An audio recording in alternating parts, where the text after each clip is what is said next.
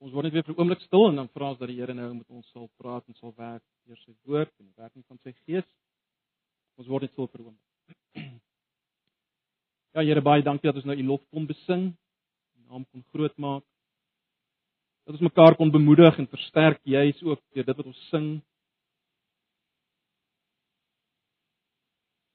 Maar nou wil ons vra dat u ons deur u woord sal bemoedig sal versterk, sal vermaan en na U self sal dryf. En ons sal verander, Here, dat ons lewens kan leef in hierdie week en die kwartaal wat voorlê wat U verheerlik, wat U oplig, wat U as wonderlik voorstel aan die wêreld. Asseblief. Ons vra dit in Jesus se naam. Amen. Hebreërs 11, kom ons lees vanaf vers 7. Ek het die eerste 6 verse behandel uh Sondag voor die vakansie. Kom ons lees vanoggend net vanaf vers 7. En ons gaan lees tot vers 22. Lees maar die 83 vertaling. Omdat Noag geglo het, het hy God eerbiedig gehoorsaam toe hy gewaarsku is oor dinge wat nog nie gesien kon word. Daarom het hy die ark gebou om sy huisgesin te red. Sy geloof was 'n veroordeling van die wêreld, maar dit het hom erfgenaam erfgenaam gemaak van die vryspraak wat deur die geloof kom. Of soos die 53 vertaling sê van die geregtigheid wat volgens die geloof is. Vers 8. Omdat Abraham geglo het, het hy gehoor gegee toe God hom geroep het om weg te trek na die plek toe wat hy as 'n erfdeel sou ontvang. Hy het weggetrek sonder om te weet waar hy sou uitkom. Omdat hy geglo het, het hy in die beloofde land gaan woon, 'n vreemdeling in 'n vreemde land. In tente het hy daar gewoon en so ook Isak en Jakob wat saam met hom erfgename van dieselfde belofte was. Want hy het uitgesien na die stad wat vaste fondamente het en waarvan God self die ontwerper en bouer is. Omdat Abraham geglo het, het hy, hoewel Sara onvrugbaar was en hy al te oud en hy al te oud krag ontvang om 'n kind te verwek, omdat hy God wat dit beloof het getrou geag het. Die gevolg was dat daar van een man, 'n man wat nie meer 'n kind kon verwek nie, kinders afgestam het so talryk soos die sterre van die hemelruim en so baie soos die sand van die see.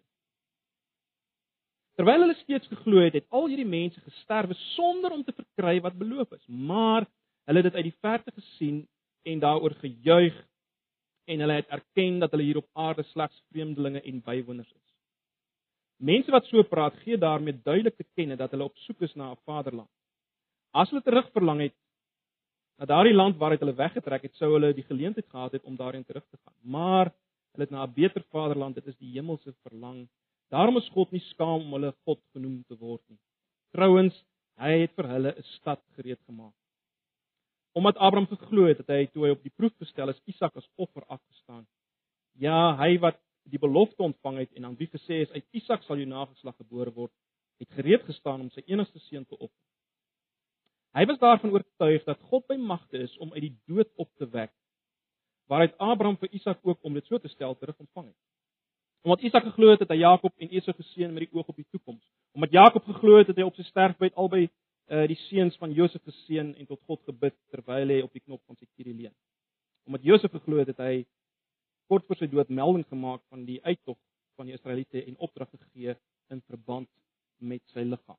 Ons lees net so ver, ons sal dan 'n eh, volgende Sondag na daai laaste gedeelte kyk, ehm uh, baie interessante gedeelte uh wat ook handel oor oor geloof. Nou ons broers en susters, ons het voor die vakansie, die sonderdag voor die vakansie begin kyk na Hebreërs 11 en as julle nou weer wil uh net seker maak hoe Hebreërs 11 inpas by die res van Hebreërs, uh kry maar die CD en luister weer daarna.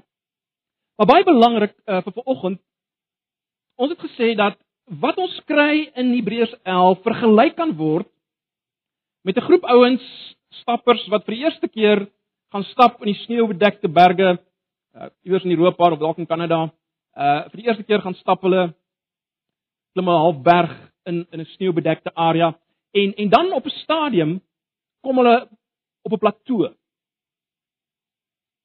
En as hulle so afkyk, dan sien hulle daar voor hulle is 'n ander groep wat waarskynlik voor hulle begin het en hierdie groep is al verby die moeilike plek waarvan hulle gehoor het. En dan haal hulle verkykers uit. om bietjie nader te kyk wat wat daar aangaan en dan sien hulle, aha, hierdie ouens het yspikke. Hierdie ouens het agtergekom wat nodig is om verby die moeilike plekke te kom en uiteindelik bo uit te kom.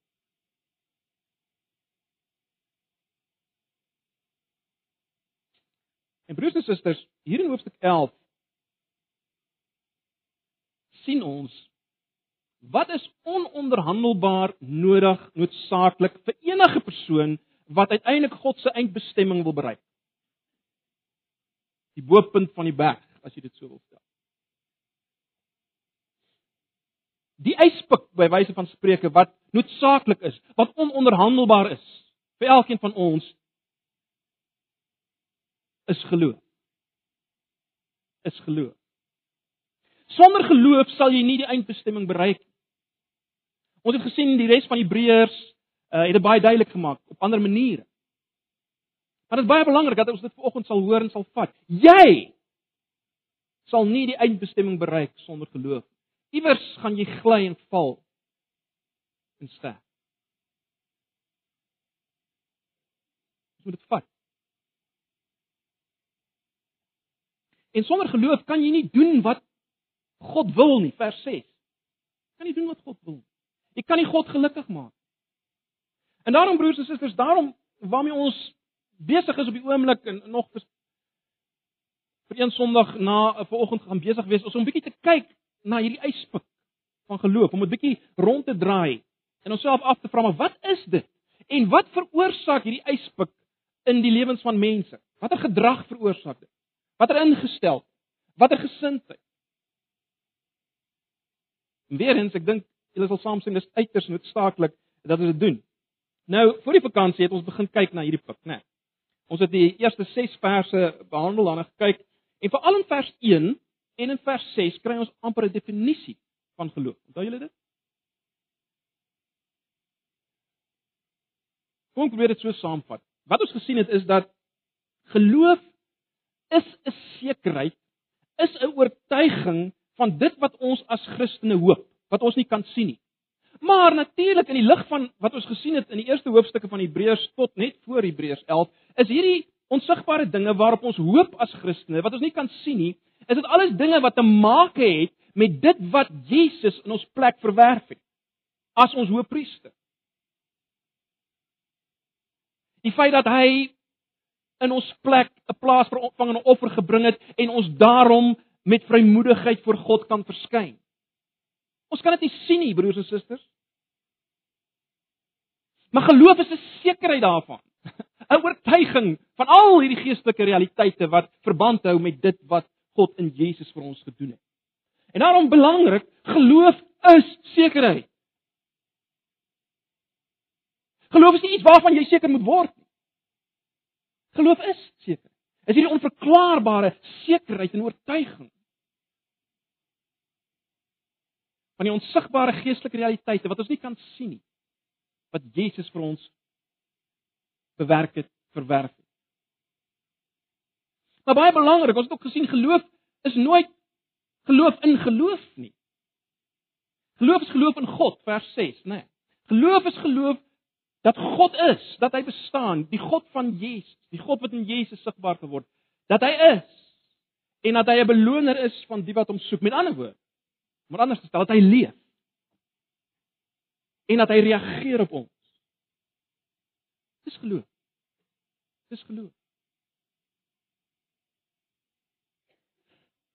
maar nou is die vraag, hoe lyk hierdie geloof in mense se lewens, né? Nee, die geloof waarvan ons nou praat. Hoe lyk dit? Hoe manifesteer dit? Word word duidelik in hulle optrede gedrag. En dis wat ons kry in Hebreërs 11, né? Nee. Nou het dit verlede uh die vorige keer wat ons bymekaar was gekyk na wat dit wat hierdie geloof veroorsaak het, hoe dit gelyk het in die lewe van Abel en uh Henog. Kom ons kyk nou 'n bietjie verder. En ek gaan dit wat ons hier sien uh probeer uitlig aan die hand van 'n paar opskrifte. Daar's verseker meer in hierdie verse, maar julle moet dit ook maar weer deurtrap, uh, die van julle wat nog in die in die in die in die um, selfgroepe besig is met Hebreërs 11. So ek gaan net 'n paar stellings uitlig uh aan die hand van dit wat ons kry in hierdie verse rondom geloof. En dit wat ons sien van geloof hier. En die eerste punt wat ek wil uitlig is dit. Geloof in God se waarskuwings en beloftes is onlosmaakbaar verbind aan gehoorsaamheid. Kom ek sê dit weer? Geloof in God se waarskuwings en beloftes is onlosmaaklik of onlosmaakbaar verbind aan gehoorsaamheid. Of om dit nou anders te stel in die lig van ons definisie van geloof, daardie sekerheid en oortuiging van die geestelike realiteite wat ons deel is deur Jesus, daardie sekerheid en oortuiging is onlosmaaklik verbind aan gehoorsaamheid aan reaksie, aan optrede wanneer God waarskuwings gee en beloftes gee. Dit is so duidelik hier in hierdie gedeelte, mense kan dit nie mis nie, né? Dit is baie duidelik hier. Kom ons kyk eers na Noag. Ons almal ken die verhaal van Noag toe ons besig was uh, met Genesis het ons daarna gekyk. In Genesis 6 vers 13 sê God vir Noag dat hy die mensdom gaan verdelg, maar dat Noag uh guns in sy oë gevind het en Noag moet 'n ark bou waardeur hy en sy familie gered sou word.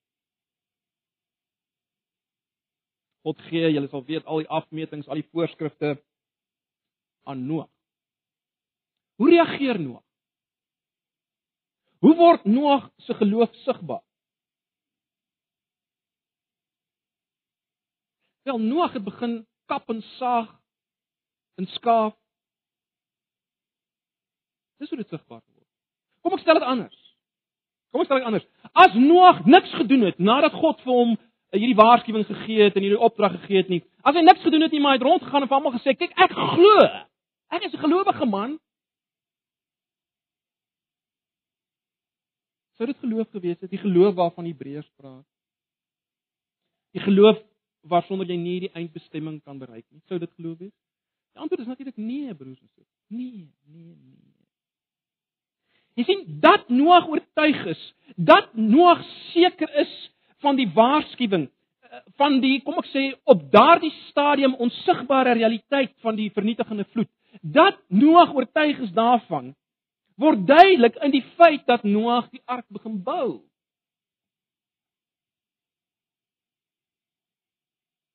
Dit word duidelik in die feit dat hy begin kap en skaaf en timmer. Nou die volgende figuur waarvan die Hebreërs skrywer hier praat of na verwys is natuurlik Abraham. Weereens ons ken die gedeelte, né? Uh God kom na Abraham in, in in Genesis 12 en sê vir hom kyk, trek weg uit uit jou land na die land wat ek jou sal wys. En dan gee God vir hom klomp beloftes. Belofte van 'n groot nageslag, 'n land om in te woon en dan 'n nageslag enkelvoud in wie al die nasies van die aarde geseën sal wees. So dis wat God doen. En Abraham glo dit. Maar hoe wys dit dat hy dit glo? Hoe word dit duidelik dat hy dit glo? Hoe weet ons hy glo? Wel hy trek weg. Hy trek weg uit sy land. Daai stadium eh, 'n land van afgodediens waar hy waar hy groot geword het. Hy trek weg uit sy land na 'n vreemde land waar hy as vreemdeling gaan bly. Interessant is ook die verwysing na sterre hier, dat dat God hom beloof het dat sy nageslag soveel sal wees soos die sterre van die hemel. Ek wil dit net noem, is baie belangrik om dit raak te sien dat Abraham het geglo dat God die skepper is. En dat hy daarom in staat is om sy beloftes waar te maak. Dis baie belangrik vir ons ook. Jy sien die verbondsgeloof van Abraham was ook 'n geloof in die feit dat God 'n skepper is en daarom kon hy sy verbond waarmaak. En ons moet dit raak sien hier. Dis baie baie belangrik. Hy kan sy beloftes waarmaak want hy is die skepper. Die een wat alles tot stand gebring en daarom kan hy dit waarmaak. Dis wat Abraham geglo het. Dis wat Abraham geglo het. Daarom terloops uh, waarna die skrywer ook hier verwys, gaan offer hy Isak want hy's oortuig dat selfs al al sou Isak sterf, dat die God wat die skepper is, by magte is om Isak weer lewend te maak. Dis hoekom hy dit doen. Maar broers en susters, baie belangrik.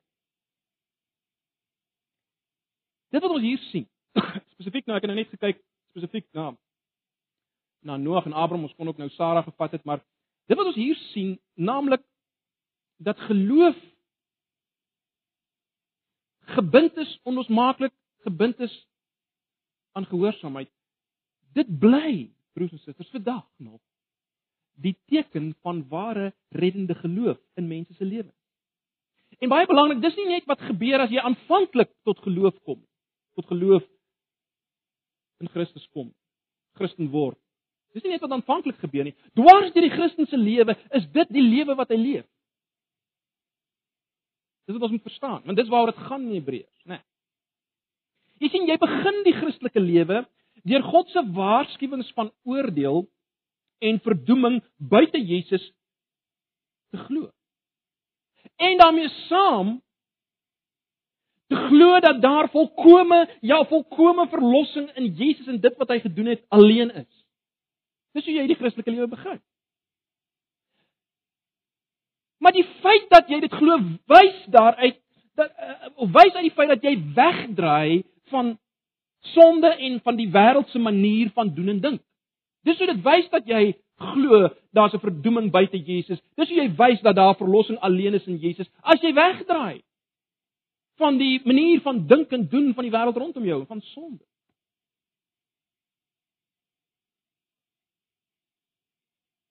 Jy sien, dit maak geen sin om te sê ek glo, maar ek leef maar nog steeds soos almal rondom my. Dis belaglik.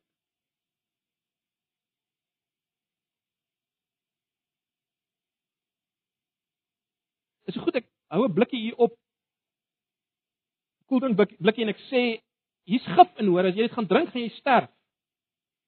Glo julle dit? En almal ja, ek glo dit, maar na die tyd kom julle en kom drink die blikkie op. Ek glo dit nie. Ons kan dit ook anders stel. Wat gebeur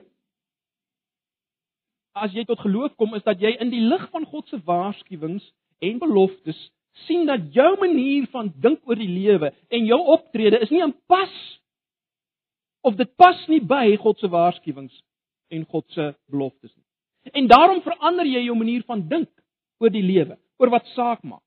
En dit maak dat jy sekere dinge begin doen en ander nie begin doen nie. Jy reageer met ander woorde. En broers en susters, dit is bekering, né? Nee, dit is bekering. Die woord bekering metanoia, weet julle al by hierdie tyd, beteken letterlik 'n verandering van denke wat oorgaan in 'n verandering van gedrag. En dis geloof. Geloof is onlosmaaklik verbind aan bekering. Jy kan die twee nooit skei nie. Ek het al vir julle gesê bekering sonder geloof is bloot wettisisme. Jy doen maar net 'n klomp goeters, dis wettisisme. Dis bekering sonder geloof, maar geloof sonder bekering is valse geloof. Dis valse geloof. Want Jesus kom verlos jou nie in jou sonde nie, hy kom verlos jou van jou sonde. En van die wêreld. Die onlosmaakbare band tussen geloof en bekering kom op skrikwekkende wyse in twee verse in die Bybel na vore. Uh, die een is Lukas 13 vers 13 en die ander een is Openbaring 21 vers 8. Jy loop nou nie na te slaan nie. En op in, in Lukas 13 vers 13 lees ons dat as jy nie bekeer nie, sal jy sterf. As jy nie bekeer nie, sal jy sterf. In Openbaring 21 eh, vers 8 lees ons: As jy nie glo nie, sal jy in die poel van vuur gegooi word. Dis nie twee gaan hand aan hand. Maar goed, ek sê weer, hierdie verband tussen geloof en bekering, geloof en gehoorsaamheid, geloof en optrede is die kenmerk van die Christelike lewe dwarsdeur sy lewe. Nie net aan die begin van die Christelike lewe nie. In ander woorde, die Christen is een, die gelowige as jy wil, is een wat daagliks God se waarskuwings en beloftes altyd ter harte neem en in die lig daarvan optree. Dinge doen, gehoorsaam. Kom ek gee 'n simpel voorbeeld.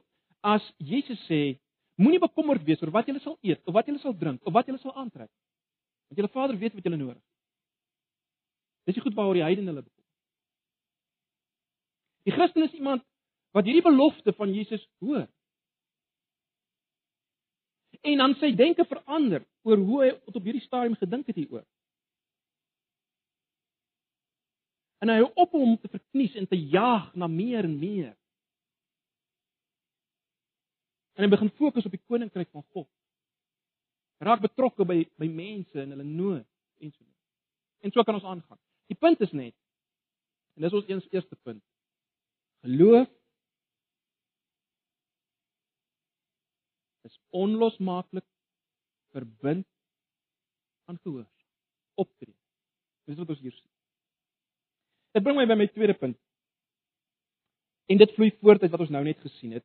Geloof lei tot optrede wat deur die wêreld as vreemd beskou word.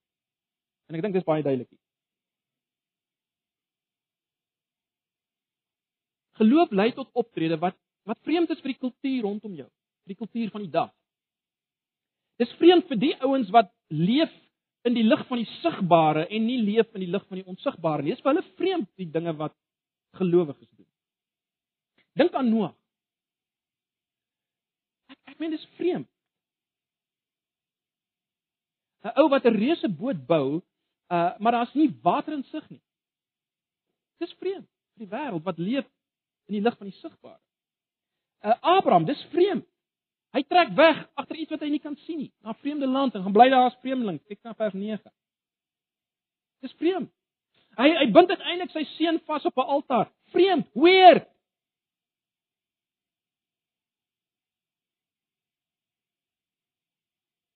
Kyk net na 11 vers 13. 11 vers 13. Terwyl hulle steeds geglo het, het al hierdie mense gesterwe sonder om te verkry wat beloof is, maar hulle het dit uit die verte gesien en daaroor gejuig en luister nou. Hulle het erken dat hulle hier op aarde slegs vreemdelinge en bywoners is. Sien julle dit? Hulle het erken dat hulle hier op aarde slegs vreemdelinge en bywoners is. Jy sien en dis die punt. Die optrede van die gelowige wys dat hy op hierdie aarde net 'n vreemdeling en 'n bywoner is. En daarom stort sy hele lewe nie in duie as om Paul groen geverf word. Want hy's hy's hy's net 'n bywoner hier. Dis dis jou enige plek hierdie. En daarmee moet julle nou nie aflei hoe voel ek oor hierdie goed nie. Dit is anders. Maar belangrik, ons lewe is ons stort nie in duie nie. Ons raak nie hysteries nie. Dis in die gelowige se so optrede se gedrag is vreemd aan hierdie wêreld. Dit is anders. Want hy is nie 'n burger van hierdie wêreld in die eerste plek. Hy's hier vir 'n tyd. En broers en susters, dis nie net iets daar ver weg wat by Noag en Abraham gehoor het nie. Persoonlik is vanoggend hier nie, dink ek. Verlede Sondag het ek met 'n met 'n dame gepraat in ons gemeente wat deur die geloof afstand gedoen het van 'n van 'n beroep waar sy op pad was om die heel hoogste sport te bereik. Maar om die Here te eer en meer tyd te gee aan hom en aan haar man en gesin. Sy het dit bedank. In hierdie lewe. Nou. Dis nie dis geloof. Dis wat geloof veroorsaak. Dis malheid vir die wêreld. Dis dis idioties vir die wêreld. Hoe kan jy mal man? Wat is die lewe van geloof? 'n Derde punt wat ek hier wil uithaal is dit geloof en geloof alleen is die kenteken van die feit dat jy vrygespreek of geregverdig is. Dalk is dit problematies hierdie stelling. Dis moet ek dit so stel, geloof en geloof alleen is die is die is die ware, die die eintlike kenteken dat jy geregverdig is vrygespreek is. Want daar is wel ander tekens ook. So kom ons stel dit so. Dit is baie interessant dat in die gedeelte wat ons gelees het van Noag word die volgende gesê in vers 7. Kyk na die tweede deel van vers 7. Daarom uh het hy die ark gebou om sy huisgesind te red. Sy geloof was 'n veroordeling van die wêreld maar dit hom erfgenaam gemaak van die vryspraak wat deur die geloof kom, van die vryspraak of dan letterlik van die regverdigmaking wat deur die geloof kom.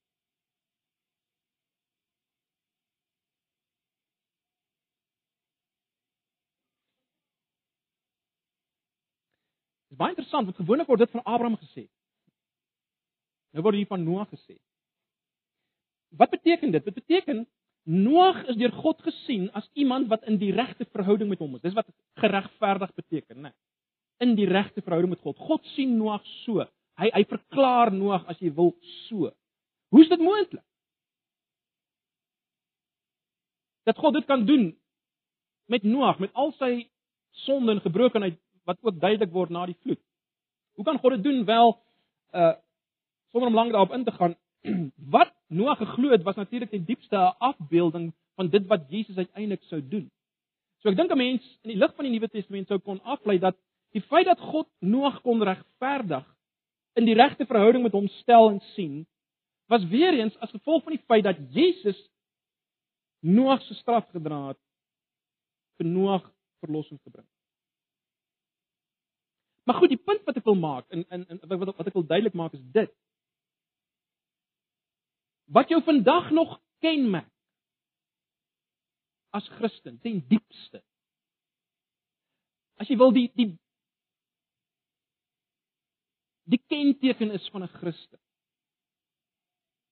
Is in die eerste plek nie dat jy voorspoedig is waar die nie-Christen nie voorspoedig is nie. Inteendeel, ons sal volgende Sondag sien, inteendeel. So dis nie dit dit dit sit jou nie een kant as Christen nie. Die feit dat jy sondeloos is en nie meer struikel en worstel en sukkel met dinge in jou lewe nie, dis nie wat jou uitlig as Christen.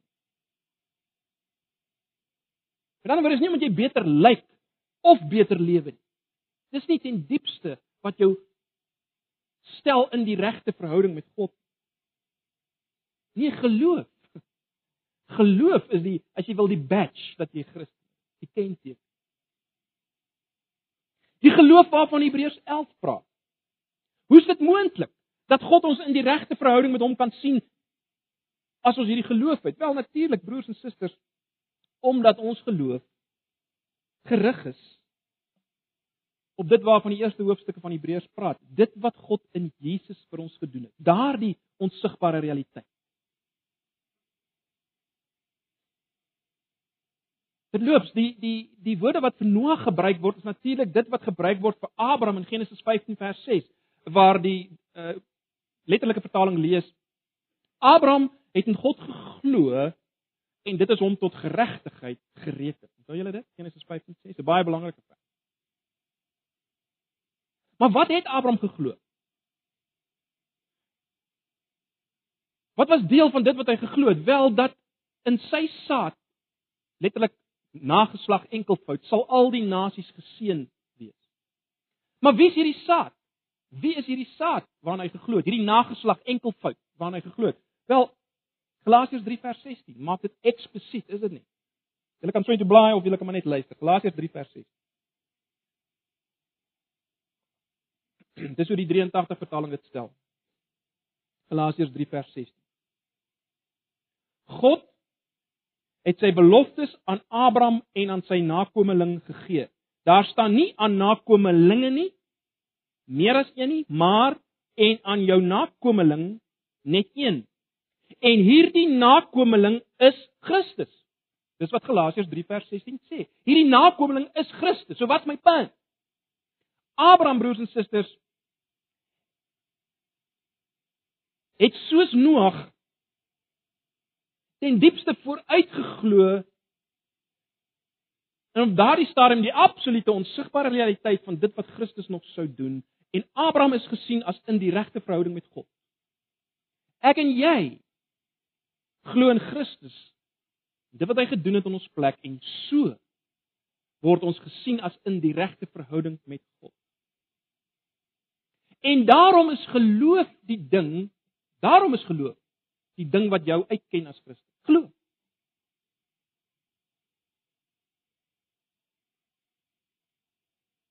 Dis die eintlike kenteken van Christendom. En dis baie baie belangrik dat ons dit sal verstaan. Uh, uh, want want ons as Christene vergeet dit en ons begin na mekaar kyk en mekaar uh, verwerp en beoordeel en veroordeel oor allerlei allerlei anderlike ander uiterlike dinge wat ons oortuig is dit is wat by 'n Christen hoort of nie hoort nie. Wel dit mag so wees, maar dis nie die kernsaak waaroor dit gaan nie. Geloof is die yspak. Geloof is die yspak. Maar goed, dit bring my by my vierde punt.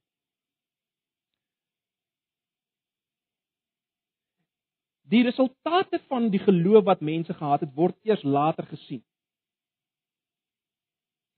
Die resultate van die geloof wat mense het of gehad het, word eers later gesien. Kom ek lees net weer vers 11 en 12.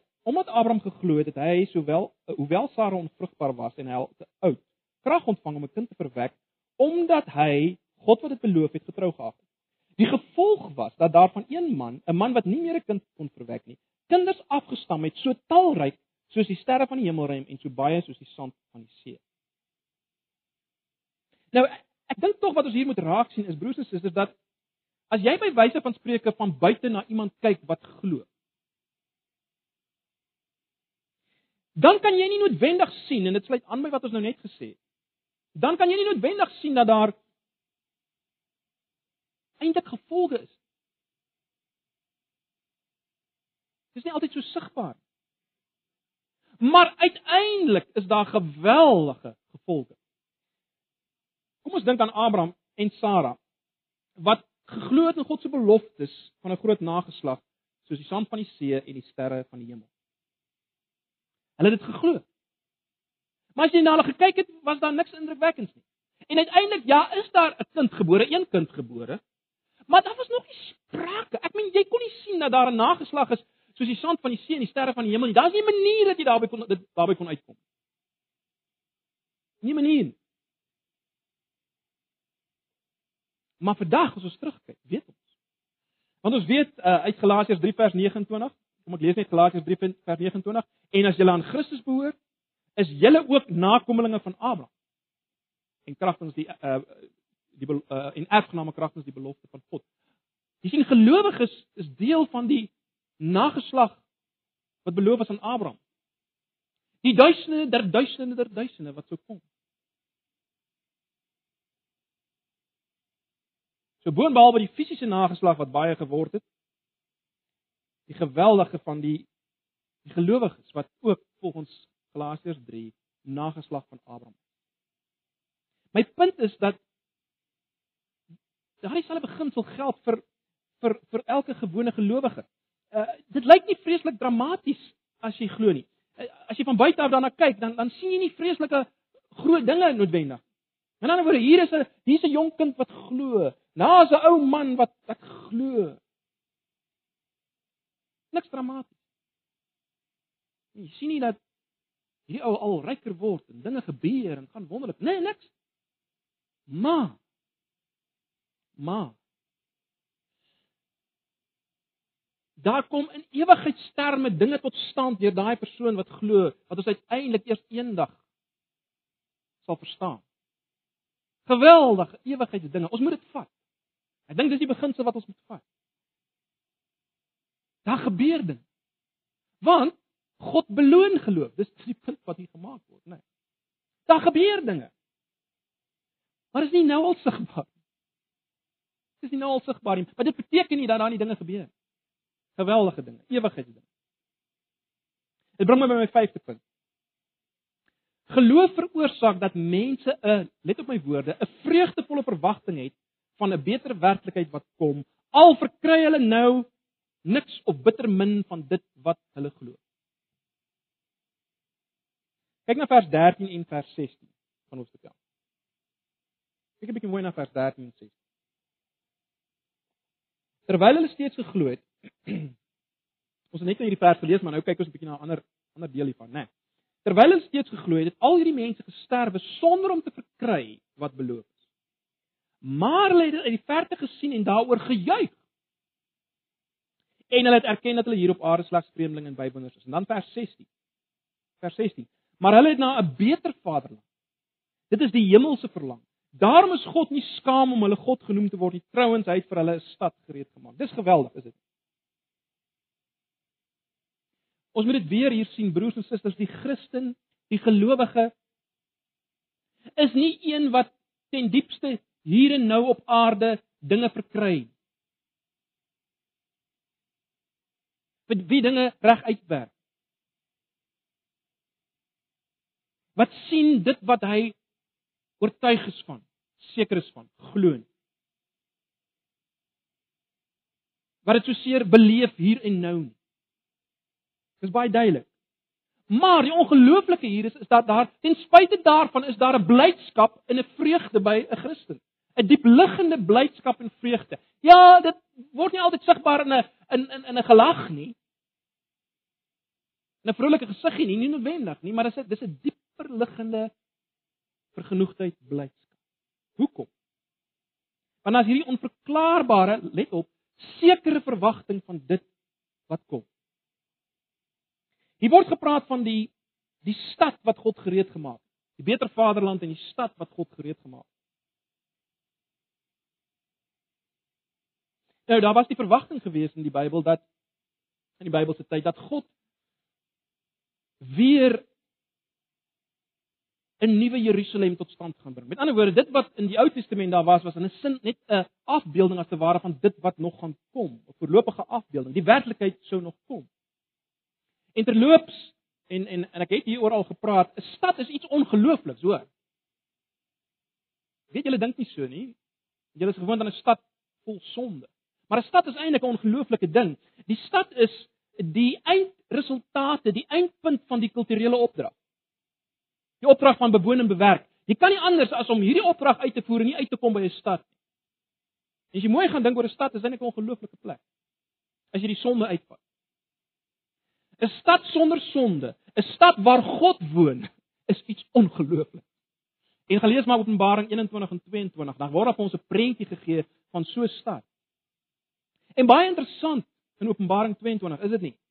Kry ons 'n uh, 'n stad wat binne in 'n tuin beskryf word.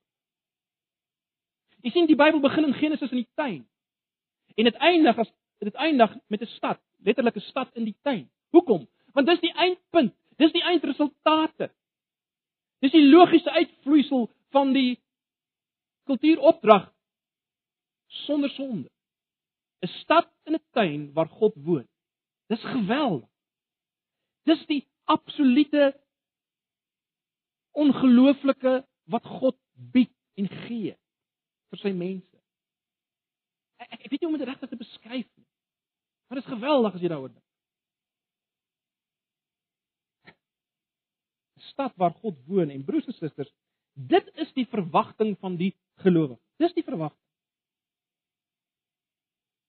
En die Christen lewe sy lewe in die lig van hierdie werklikheid. En daarom kan daar vreugde wees. Jy sien? Die Christen lewe sy lewe in die lig van hierdie werklikheid, die stad wat kom. Hy lewe nie sy lewe in die lig van die stad waar die standbeelde geverf word en gebreek word en al. Nee. Hy leef sy lewe in die lig van die stad wat kom en daarom kan daar blydskap wees te midde van al hierdie goed wat ons ongelukkig. Dis die onverklaarbare waarheid dwars deur die geskiedenis, is dit nie? Is dit nie? Uh dat mense op brandstapels vasgebind kan kan kan wees en en nog steeds lofliedere kan sing. Ag, uh, uh, baie dinge wat ek julle kon vertel hier oor omtrent. Hoe is dit moontlik? Wel, dis omdat hulle geweet het wat kom. Hulle was oortuig daarvan. Hulle het 'n sekerheid gehad geloof. Broers en susters, gelowiges, leef hulle lewe hier en nou in die lig van die ewig. 'n Laaste punt voor ek 'n uh, slotopmerking maak. Die laaste punt is dit. Baie interessant. God is nie skaam om die wat glo se God genoem te word. God is nie skaam om die wat glo se God genoem te word. Julle sal weet, die van julle wat kinders het of kinders gehad het, dat daar kom 'n stadium eh, waar kinders veral in hulle tienerjare geneig is om so nou en dan skaam te wees vir hulle ouers, né? Nee. Uh ouers is nie cool genoeg of up to date genoeg nie of ouers het 'n ou motor of 'n ou televisie en dit pas nie lekker in ensovoorts. En dan is hulle skaam vir ouers. Ouers aan die ander kant is soms skaam vir hulle kinders. Die kind is baie ongeskik as ander groot mense is of hy lê met sy voete op die bank as mense kom kuier en so voort. Of die onderwyser roep jou in en vertel vir jou wat hy by die skool aanvang en jy jy's jy's bietjie skaam vir die kind. Maar kyk nou na Hebreërs 11 vers 6. Kyk nou vers 6.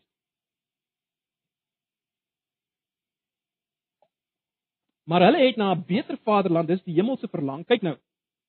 Daarom is God nie skaam om hulle God genoem te word nie. Trouwens, hy het vir hulle 'n stad gereed gemaak. Ag broers en susters, is dit vir my 'n wonderlike gedagte, is dit nie? God is nie skaam om geïdentifiseer te word met my en jou as ons glo nie. Dis nie geweldig. Die koning van die kosmos, die een met absolute supermag, die superwese van alle wesens. Die een wat geen begin of einde het nie. Die een wat by wyse op spreuke enige geselskap in die heelal vir hom kon kies. As jy dit sou wil stel. Daardie God is nie skaam om geïdentifiseer te word met gebroke sukkelaars soos ek en jy nie. As ons glo. As ons net geloof in hom en die onsigbare realiteite. Hy is skaam om ons God genoem te word. Maar dis ook hoe jy lyk nie. Waarmee jy sukkel nie. God is nie skaam vir jou nie. Soos jou kind vir jou dalk skaam is of jy vir jou kind skaam. En broers en susters, dis deel van die vreugde en die vervulling van Christen wees, né? Nee. Al kry ek en jy nie in hierdie lewe uh dinge wat ons graag wil kry nie.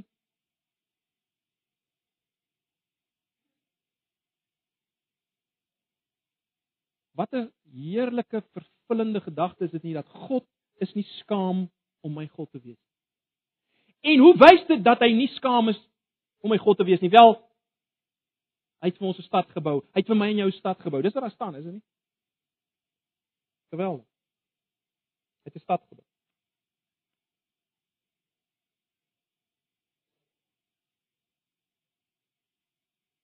God is nie skaam om God ons God te wees.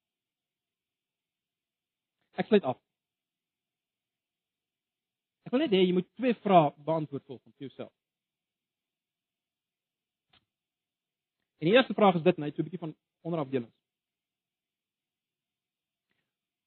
Hoe dink jy behoort ek en jy vandag te lewe as ons absoluut oortuig is? Aan die ander woorde as ons glo dat God bestaan. Dat hy absoluut lief is vir my, nie skaam is om my God genoem te word nie. Dat hy 'n bestemming vir my voorberei het wat enige iets op aarde baie vaal laat lyk. Hoe dink jy behoort iemand te lewe wat oortuig is daarvan?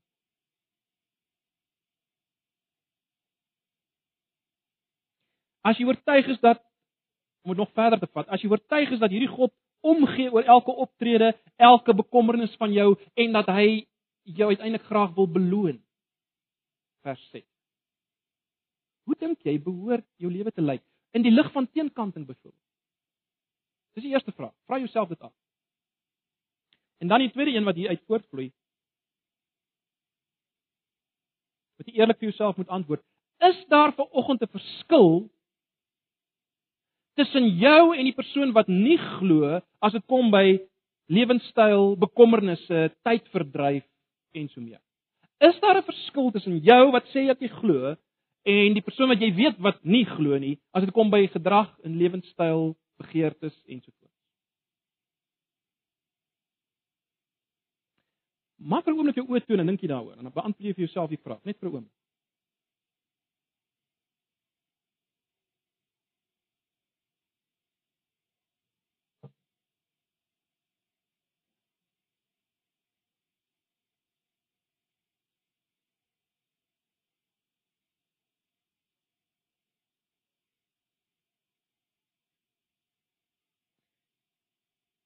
Jy sien broer en suster, dis uiters belangrik om hierdie vraag te beantwoord, is dit nie? Ons het gelees van Noag. Dit is baie interessant dat Jesus in ehm uh, Matteus 24 vers 37 en 38 sê hy soos dit in die dae van Noag was, sal dit ook wees by die koms van die seun van die mens. In daardie dae voor die sonvloed het hulle soos gewoonlik geëet en gedrink en getrou tot op die dag dat Noag in die ark ingaan. Wat's my punt? Jy sien, jy kan maar aangaan soos almal rondom jou aangaan, niks ernstig nie. Jy eet en drink maar net en gaan aan met die gewone dinge van die lewe. En dit kan wees dat met jou presies gaan gebeur wat het gebeur het met die mense in Noag se tyd, die wat nie geglo het. Het nie geglo in God se waarskuwings en God se beloftes. Waar staan jy in die lig van jou antwoorde op die twee vrae? Waar staan jy? Ag en ek wil nou nie vooruitloop nie, maar broers en susters, as jy vanoggend onseker is. As jy vanoggend weet jy glo nie. Hebreërs 12 sê vir ons Jesus is die begin en die volëinder van ons geloof. Vlug na hom. Dis al wat ek kan sê. Vlug na hom. Sê dit vir hom. Kyk na hom. Gaan dink weer oor wat ons al reeds in Hebreërs gesien het. Gaan lees dit weer, bedink dit. As as gemeente, broers en susters, as Hebreërs sê ons mekaar vermaan en mekaar aanmoedig en en pas op dat iemand nie agterraak en daar daar 'n hart van ongeloof is nie. Dis waarvan Hebreërs praat, hierdie geloof. Kom ons begin rondom ons kyk. Kom ons kyk, waar is iemand wat nog nie 'n pik het nie? En kom ons kyk, waar is 'n ou wat se pik bietjie gebreek is? Kom ons help mekaar. Broers en susters, ons is saam op hierdie bergpad na die ewigheid. En waaragtig, sonder die pik van geloof gaan ons nie daar kom nie. Dis die hele punt van Hebreë. Ag, ons wil nie dat een van ons wat hier sit agterraak. Nyval. Mag die Here ons help dat ons werklik dit sal vat. Dit sal omhels. Hierdie waarheid wat ons volgens gesien het. Hoekom is dit so belangrik? Want sonder die yspik sal niemand die pad voltooi nie. Eenvoudig soos dit. Amen. Kom ons bid saam. Here baie dankie vir u woord.